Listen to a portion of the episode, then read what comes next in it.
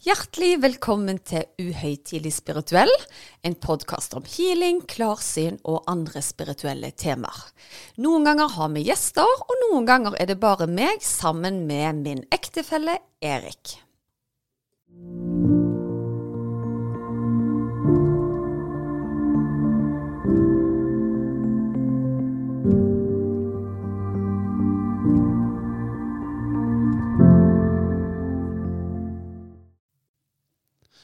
Og med det så var sommeren over. Ja, eh, det er jo fantastisk å ha ferie, og så er det godt å komme hjem. Og da er det et godt tegn på at vi har kost oss på tur òg, tenker jeg. Ja, jeg tenker òg det. Det som er litt morsomt med, med denne sommeren, kall det gjerne intuisjon, men eh, du bestemte at i år er det bilferie.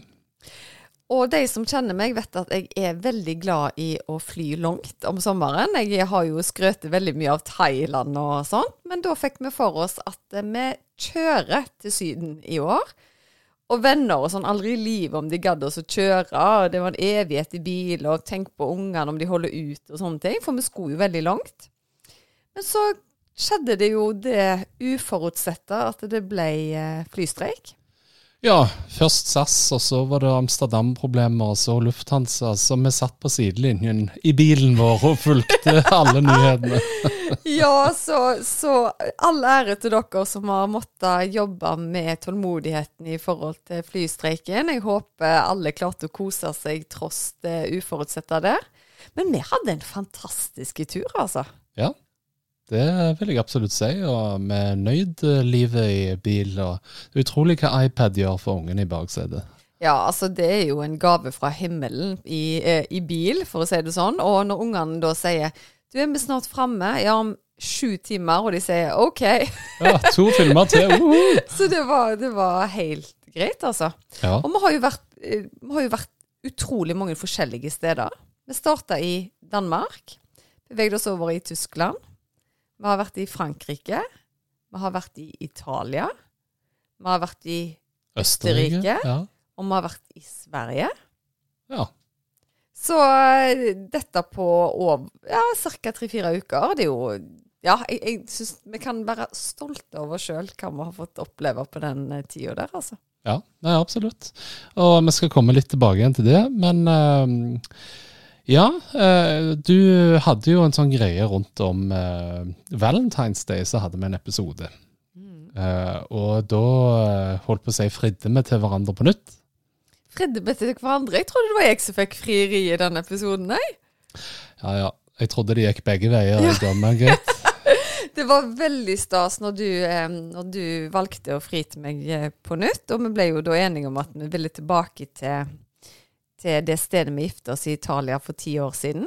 Ja. Men, så, men, men, det klaffa liksom ikke, fordi at vi skulle eh, ta en periode i Portugal, og så sa vi vel egentlig til hverandre at det, det kan bli veldig langt å kjøre til Italia etterpå, og kanskje vi må bare ta det seinere. Og så var det en slektning som òg skulle gifte seg nå i, i, september, og da tenker vi at da ble det for tett opp imot det. Så gjerne vi kanskje må gjøre det neste år allikevel. Ja. Men så skjedde det jo ting da som gjorde at vi dro til Italia likevel. Ja, det brant jo på alle kanter av oss, både nord, sør, øst og vest, eh, følte jeg. Det, eller det eneste det ikke brant, det var øst, så vi fant ut da må vi kjøre østover. Når vi snakker om brann her, så var det skogbranner, altså. Det brant ikke rundt oss. Nei da. sånn sett. Men, men, det var veldig mye skogbranner på, på veien. Så da følte vi nesten sånn at skjebnen ville at vi skulle til Italia likevel. Så da tok vi bilen, og så kjørte vi mot der vi var for ti år siden. Ja, mm. og det var jo veldig stas. For de av dere som har fått det med, så har eh, Susanne òg posta bilde av når vi hadde en liten seremoni akkurat der vi gifta oss for ti år siden. Ja, og jeg syns det var ekstra stas fordi eh, når vi gifta oss, så var Aurora hun var ett år gammel, eller i underkant av det. Og Evander var jo ikke påtenkt engang. Og så når vi gikk opp Vi skulle jo egentlig bare være meg og deg, og ungene skulle egentlig bare være til stede og følge med. Og så sier Wander idet vi skulle gå opp at 'mamma, jeg kan følge deg opp', jeg. Og jeg syntes det var så rørende, for jeg tenkte jeg skulle liksom ikke bry han eh, med det. Og så uh, fulgte han meg opp, og så trakk han seg fint unna, og så fikk meg og deg bare noen fine minutter der hvor vi så fine ting til hverandre om hva vi hadde opplevd så langt, og hva vi så fram til videre i framtida. Så jeg syns Ja. det var kjempefint. Ja, ja det syns jeg òg. Men ikke bare det at den settingen var så romantisk i sånn sett, men det føltes veldig viktig for oss og vår framtid. Jeg følte liksom at vi hadde noen guider som bare pusher oss for å komme tilbake der til, da. Ja. Så jeg følte det skjedde et eller annet med oss der. Ja, og der vil jeg gjerne ta fram et lite punkt, for det at vi snakker gjerne om forventninger. Eksempel. Eh, den yngste hos oss hadde gjerne en forventning om eh, å grave sandslott i eh, sanden på stranden. Eh, nummer to, den eldste, hadde gjerne lyst til å ligge og se på iPad på stranden. Du ville helst ha skygge i år, og jeg eh, plumper oppi der der eh, er vann. Eh, men når vi kom til Iseo, da, så var det jo verken sand, strand eller vann. holdt jeg på å si, Vann var der, men, eh, men så skulle vi jo til dette stedet, og vi ble jo kommandert til å pynte oss litt. Mm. Og det var jo Altså, vi hadde jo ikke planlagt verken brudekjole eller noen ting, så jeg måtte jo bare ta den hvite kjolen jeg, jeg hadde, og prøvde å gjøre det beste ut av det. Og når da min kjære, flotte mann kom i flipflops, altså, så tenkte jeg men du kan, kan pynte oss litt, selv om du er fin i bare flipflops òg, altså. Ja, Så det, da- det, det utsagnet var 'skal du gå sånn'? Ja, så eh, jeg tenkte ei lita skjorte kunne vi ha, men det var jo 40 varmegrader. Det var kjempevarmt, og jeg syns ungene var så flinke å ta på seg noe litt finere den dagen. Og så skålte vi med Cola Zero etterpå, for vi skulle jo kjøre videre, og det var jo bare oss eh, fire med, med utsikt og fine ord. Og nei, jeg syns det ble, ble kjempefint. Ja. Det gjorde det. Og så uh, loffa vi i vei. Vi kjørte enda lenger øst til Venezia. Vet du hva, når vi kommer til Venezia, de som kjenner meg, vet at jeg har ikke mye retningssans. Altså, jeg kommer meg fra A til B. Jeg eh, har ingen problemer med å finne fram når jeg har vært et sted før. Men det å gi meg et kart på et ukjent sted er ikke akkurat eh, toppsuksess, kan vi si da. Nei. Eh, og det husker jeg godt når vi skulle i den butikken langt inn i skogen i Ja. ferien. Når jeg skulle vise vei, og vi havna to timer i feil, feil retning. Men Ja. det som var litt spesielt i Venezia, da, nå kan du fortelle. Hva skjedde i Venezia, Erik? Ja, altså For de som har fulgt oss en stund, så har de jo gjerne hørt om eh, min opplevelse i Lisboa, da, hvor jeg drømte om at jeg eh, eh, bodde i Lisboa. eh, hvor det var liksom klær fra 200-400 år siden. Og når meg og deg reiser til Lisboa, da, i en by jeg aldri hadde vært i før, så sier jeg at her har jeg vært. Og du var jo lommakjente. Jeg mener detaljer fra den byen der. Og, men du har liksom alltid vært veldig eh, flink med retninger og kart og sånne ting. Sånn så at du på en måte kunne litt om veiene, det, det var ikke jeg så veldig imponert over. Men når du kunne på en måte Uansett hva vi skulle til, så trengte du ikke engang å google det. Du sier bare 'nei, det er ned til venstre over haugen der og bort i gata'. Altså, det var som om du hadde bodd der hele livet. Eh, og så kommer vi til Venezia. Ja, Og så er det altså du som får denne uh, fornemmelsen, om du vil. Altså, det var helt rart. Jeg følte meg så hjemme. Men det som var litt spesielt, var at jeg følte meg bare hjemme den ene delen. Og jeg husker når vi gikk i sånne smale gater hvor du Det var nesten ikke større plass til at du kunne ta hendene mellom husveggene. da. Det var veldig smalt. Og jeg følte meg så trygge der.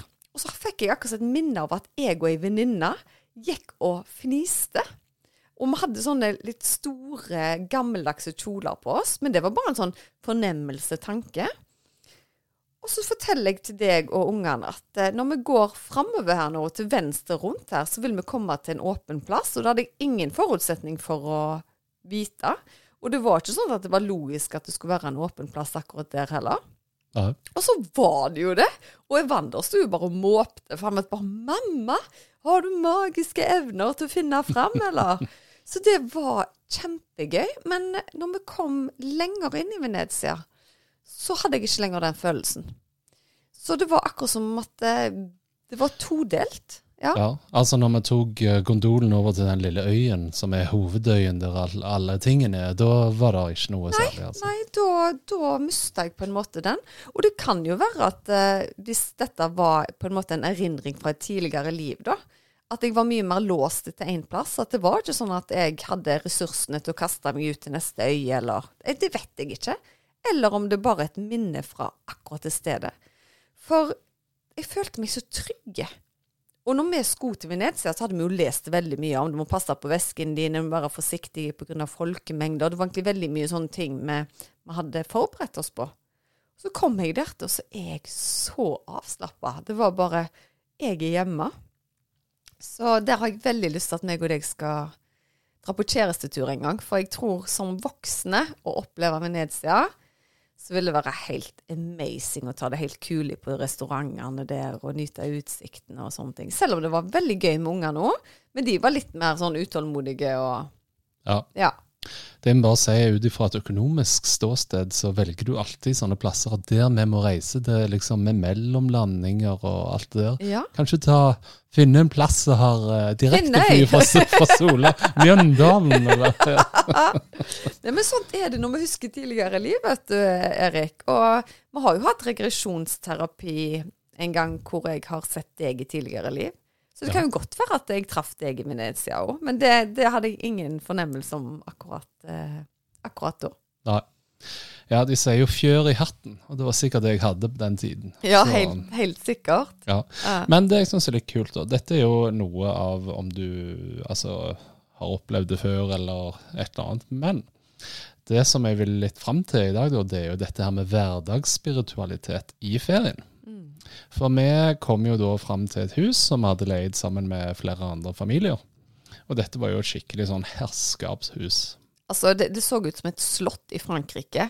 Og de som følger meg på Instagram, så det sikkert på storyen min nå. Det var amazing, altså. Ja, og det interessante her var jo det at et av disse rommene i dette, disse husene her, det var liksom typisk som du ser med, med et langbord, det var én stol som var større enn alle de andre. Altså Dette var en staselig familie som hadde bodd der, og du så at det var lagt opp til at det var tjenestefolk og liksom Ja, og møblene var gamle, altså. Gamle, eksotiske, dyre, tunge møbler som sikkert har stått der i mange, mange år, altså.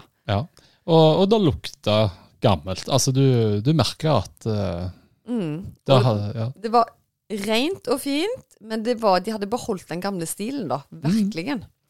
Og så sier jo du òg at eh, her er det eh, folk. Ja, her er det energier. Og jeg sa det til dere voksne nede med bassenget, at eh, spesielt i den spisestuen så er det folk som jeg føler observerer, og de er ikke så glad i bråk. Det var den følelsen jeg fikk da, at du, du skulle oppføre deg rundt, eh, rundt det rommet. Og det var du enig i, for du følte at du skulle liksom ikke buse en der i bokseren, liksom. Ja, altså jeg eh, opplevde det jo sånn at du går ikke inn der med flipflops, og du skal være stille i det rommet. Eh, og uh, altså jeg gikk jo retta litt på stolene altså, når ungene hadde lekt og litt sånne ting. Så jeg følte ikke nødvendigvis at det spøkte sånn sett, men jeg følte meg iakttatt. Ja. Og at du var en gjest, og du skulle oppføre deg deretter. Yes. Og så går det da ikke lange tida. Og dette her er en voksenprat. Ungene er jo inne eh, og leker, for det var jo hetebølger, så de var mye inne nå, faktisk. Og så kommer da ungene ut og sier Det spøker den der spisestuen. Og jeg vet jo bare Erik, har du sagt noe til ungene? Og henvendte meg til de vennene vi reiste med, og de vet bare nei, vi har ikke sagt noe. Tenkte, kan de ha plukket det opp? Men det var jo helt umulig, fordi jeg avgrenser veldig hva jeg deler med ungene, for du vil jo ikke skremme barn, liksom, at her er det folk som kikker på oss. Men det som var så interessant, var at de sa det er inne i spisestuen. Hva var det mer han sa? Jo, at da- de satt ofte i trappen, for det var nærmest den der internett-wifien, så de Ja. hadde gode signaler der. Og da mente de at det gikk folk forbi de i trappen. Opp og ned trappen. Ja. Eh, Og det er jo så interessant. Og så er det hvordan skal du svare på det, da? Så jeg, ja, det er det sikkert. Sikkert fine mennesker som bodde der for lenge siden. De vil bare ta vare på huset sitt. Ja. Mhm. Og jeg òg sa det. Ja, så da må vi oppføre oss som gjester. Så, da, ja, ja, ok da. Ja ja. Så da, det var liksom ikke noe problem, det. De ble ikke redde av det. Men selvfølgelig hadde vi sagt 'Å, herlighet, spøker i huset'. Og Vi sov i bilen! ja, hvis du hadde sagt det, da hadde de jo blitt livredde.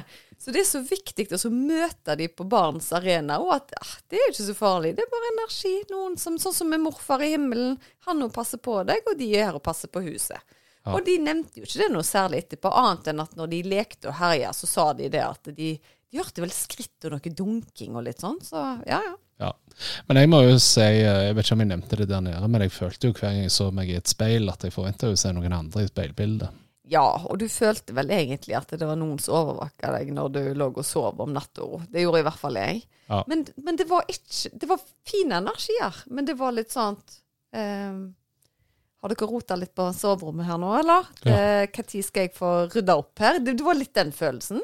Ja. Og når du bor i en koffert, sånn, så er det litt sånn Skal du begynne å henge opp klær? Jeg er i hvert fall veldig dårlig på det. Så ja. Så Ja. det var litt action der, altså. Ja, men det er jo gøy.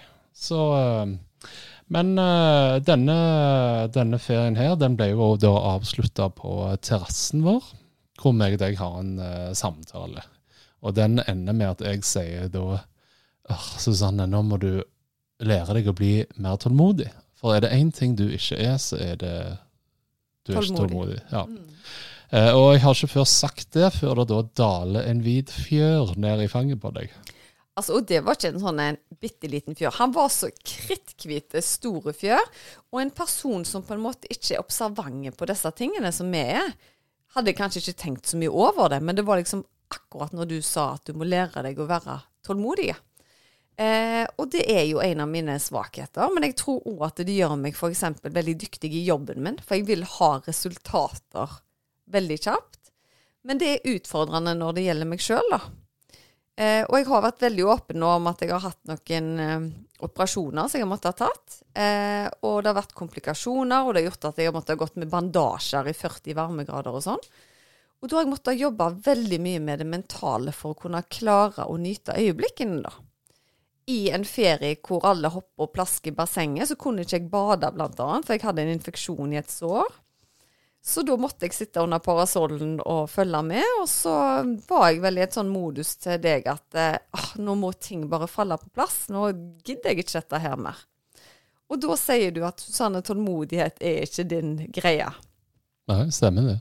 Så det var, det var kjempeinteressant. Så jeg følte vel jeg fikk en bekreftelse der at englene er med meg og passer på meg, og at jeg må lytte til mannen min om dette med tålmodighet, da. Ja. Men uh, det som jeg syns gjerne kjennetegner denne ferien litt, det er at normalt sett i ferier så blir vi gjerne ringt ned eller sendt uh, meldinger av folk som ønsker healing. Mm. For folk sine liv tar jo ikke ferie. Nei.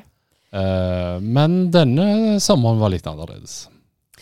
Ja, altså, jeg har fått mange henvendelser, det har jeg. Men det som har vært litt sånn krevende tidligere, da, er jo det at jeg har ikke hatt noe tilby. Jeg har på en måte bare sagt at eh, oi, jeg forstår at ja, ja, men jeg, jeg forstår at du har det vanskelig. Og veldig mange ganger så klarer jeg ikke å si nei heller. Eh, på tross av at jeg sjøl har hatt mine utfordringer og vil prøve å hjelpe. Og så vet jeg at jeg har uendelige ventelister på, på timer hos meg.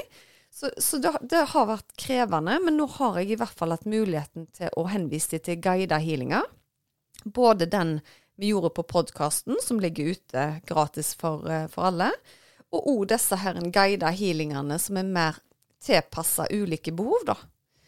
Eh, Og tilbakemeldingene på de har jo vært helt fantastiske, og det har gitt meg mer ro i sjela. At jeg kan gi folk muligheten til å få healing via den, da, når jeg ikke er fysisk til stede. Mm. Ja, det er veldig kjekt. Og det drypper jo over på oss andre òg, at det er litt mer eh, ro, da, for å si det sånn, at du ikke er på jobb under ferien. Ja, jeg har nok vært det, Du svarer jo mye på meldinger og prøver å, å legge opp et løp uansett, da. Men den tilbakemeldingen jeg har fått, er at folk er overraska over hvor mye de guida healingene gir. Og det, jo, det har jo meg og deg diskutert mye òg, for det var ingen selvfølge når jeg satte i gang med det. Mine usynlige hjelpere ville veldig at jeg skulle nå et større marked, da, fordi at folk trenger å øke sin vibrasjon for å sette i gang tilfredsstillingen sin. Og så tenkte jeg, men hvordan kan det gå via stemmen min, når det gjerne ikke er live heller? Og det hadde meg og deg mange samtaler på. Og du var jo litt der at men du òg må jo utvikle deg. Og det er helt tydelig at de prøver å dra i noen tråder for at du skal nå ut til, til flere. Og når det da hagler inn med positive tilbakemeldinger, og folk som virkelig føler de får utbytte av det, det gjør at jeg blir så varm om hjertet at det det jeg har kanalisert og sender ut, og at det gir folk et løft, det er ubeskrivelig følelse. Ja. Ja, fantastisk. Og så merker jeg òg at når vi har anledning til å faktisk ta ferie i ferien, så eh, når vi kommer tilbake igjen, så føler jeg sånn kreativiteten er litt uh, Begynner å komme tilbake igjen. Den begynner jo å boble. Og natta før meg og deg skulle gifte oss på nytt, så hadde jeg jo besøk av teamene mine som sier at nå må du lage ny guida healing. Og det var en vanvittig sånn kjærlighetsvibrasjon rundt meg. Det var helt spesielt. Og så begynner du litt sånn Og kanskje det er fordi at meg og deg skal si løftene til hverandre, men, men det, det, var noe helt unikt.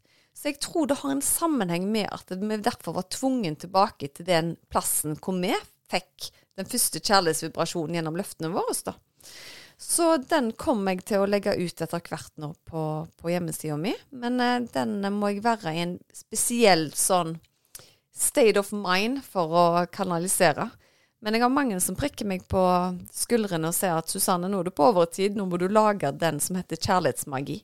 Og det skal gå mye på både selvkjærlighet og skape mer kjærlighet i relasjonene til seg sjøl og andre og tiltrekke seg partnere, blant annet. Ja, det Men det er ikke sånn at du kan uh, uh, ta med deg en mann hjem, og så setter du på airpodsene på han, og så er han forelska i deg etterpå? Nei, det tror jeg ikke. Jeg tror heller at dette her går på å øke din egen kjærlighetsvibrasjon, sånn at du skal tiltrekke deg relasjoner som gjør deg godt, da. Ja. Og mye starter i deg sjøl. Altså den kjærlighetsmagien vi egentlig alle besitter, men hvor vi gjerne blir tappa gjennom livet av ulike opplevelser, erfaringer, som gjør at vi mister litt troa, da. Eh, så jeg har fått beskjed om at den er veldig viktig. Et viktig steg, eh, steg, videre. Så den gleder jeg meg til å få, få, gjort ferdig. Ja, Men når vi er inne på det temaet, så hadde vi jo en bonusepisode i sommer.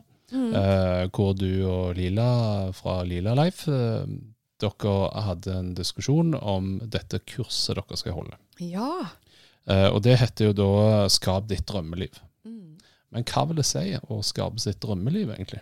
Ja, da tror jo kanskje folk at nå eh, skal Susanne fortelle hvordan, hvordan, dette perfekte livet hennes er, og jeg skal få et perfekt liv. Og det er ikke det det dreier seg om. Det det dreier seg om, er at livet hele veien vil gå i sykluser. Og så vil vi gå inn og så bistå deg med å få mest mulig ut av ditt potensial. For det har mye om hvordan en har det, og hvordan en tar det. Og det er veldig mye mentale teknikker en kan gjøre for å jobbe seg gjennom ting kjappere. Og tiltrekke seg ting som gir deg et løft. For er vi på en veldig lav frekvens, så er det fort at den verkebullen i oss sjøl begynner å spinne i negative spiraler. Sånn at når først én ting går gale, så går andre ting gale. Ja. Men det er sånn at i livet så vil det alltid være ting du ikke kan påvirke. Og jeg har sjøl stått oppi ting nå som jeg har hatt vanskeligheter for å påvirke. Jeg har fått komplikasjoner, som sagt, etter operasjon, som jeg har nevnt nå hundre ganger. Men da er det ekstra viktig for meg å fokusere på de tingene som faktisk er bedre, de tingene som fungerer. Og egentlig bruke den positive vibrasjonen til å tiltrekke meg ting som gjør at jeg spinner videre på det, da. Sånn at jeg får det bedre med meg sjøl, og at omgivelsene mine òg blir farga av den endringen i positiv forstand, da. For det blir litt sånn at se hvis du har en krangel, og midt i krangelen så går du hver til sitt. Mm. Da vil jo krangelen på en måte fortsette i hodet, da. Og egentlig bli bare større. Ja, det vil det. Og så sitter den og blåser seg opp. Så det du egentlig sier her, da, det er at du vil få verktøy til at den skal på en måte ta sin naturlige Altså prosessere den, da. Ja, og så er det det at veldig ofte Altså, jeg føler jeg sitter inne med så utrolig mange verktøy som jeg har lyst til å dele med andre, fordi jeg tror veldig mange kan skape en mye bedre tilværelse enn det de er i akkurat nå, da.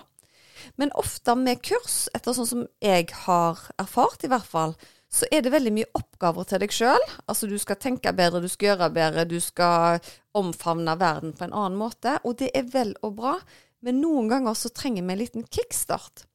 Så det jeg skal bidra med da, er jo å ha felleshealinger gjennom denne strukturen her.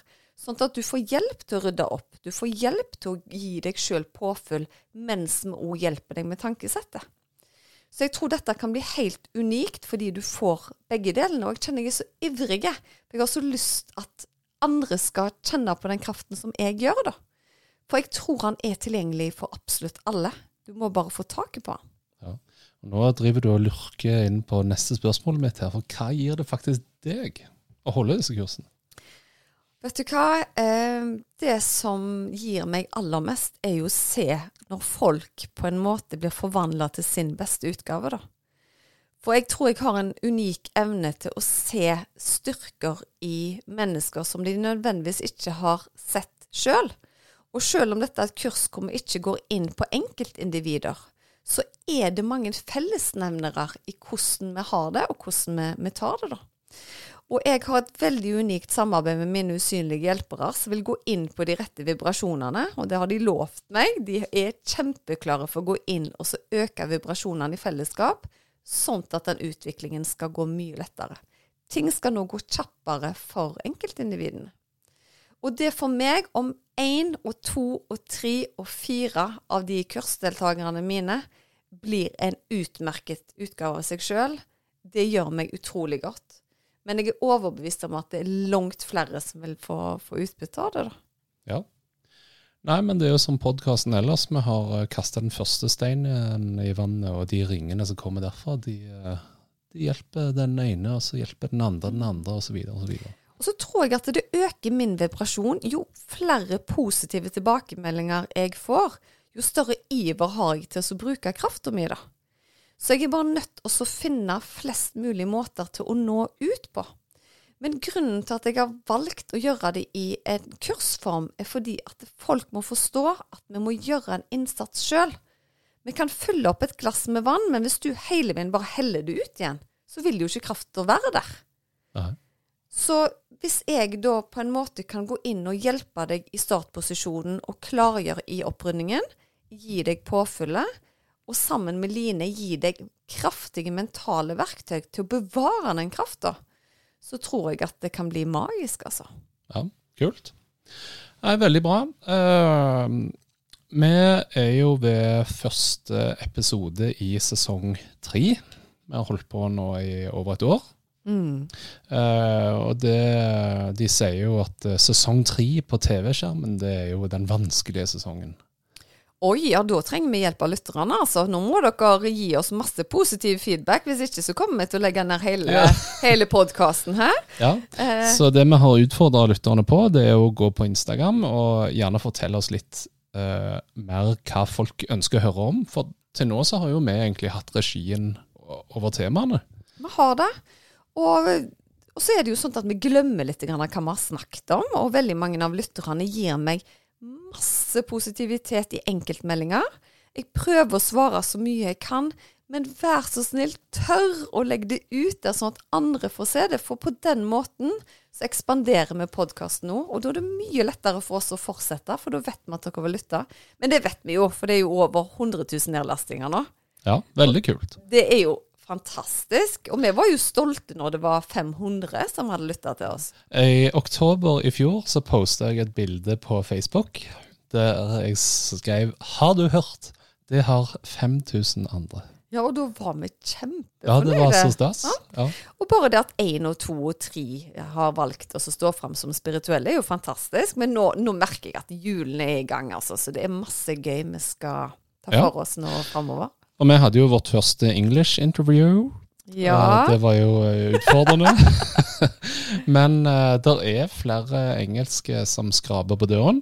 Det er det. Uh, og vi har òg gjerne lyst til å lage en litt mer engelsk versjon på, av podden på siden av denne. Så vi får se hva vi klarer å få til i en hektisk hverdag. Ja, dæven, det er hektisk, for å si det sånt. Og igjen så er det en beskjed fra meg til alle dere som tar kontakt for at dere ønsker eh, privat healing av meg. Jeg må med stort blødende hjerte si at det er ikke ledige timer nå.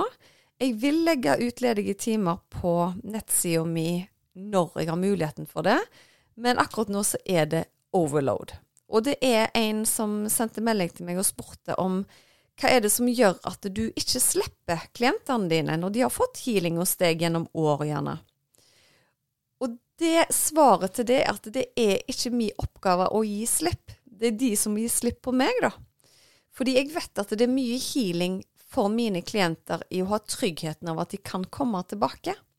Så hvis de kommer til meg f.eks. med migrene, og det er fiksa, så ønsker de allikevel å bare få påfyll, da. Og hvis det er det de trenger for å bli sin beste utgave for seg sjøl og for omgivelsene rundt, så skal de få lov å komme tilbake. Så jeg er en veldig lojal person, så jeg sier ikke nei til de som har kommet inn i mitt system. Og det vil gjelde deg som spør henne den gangen gjerne det blir din tur. Så um, derfor så er det mange som går til meg ennå. Ja. Ja, med det så lurer jeg på om vi skal runde av for i kveld. Nå er vi i gang, sesong tre. Dette blir kjempespennende og masse energi. Masse energi. Vi gleder oss. Så følg med, lytt, og vi setter stor pris på om dere anbefaler podkasten til andre. Ja, absolutt. Tusen takk for at du tok deg tid å høre på oss. Og som alltid så håper vi at horisonten eh, blir bredere og bredere for hver episode. Og vi har savna dere virkelig. Absolutt. Ha det bra. Ha det.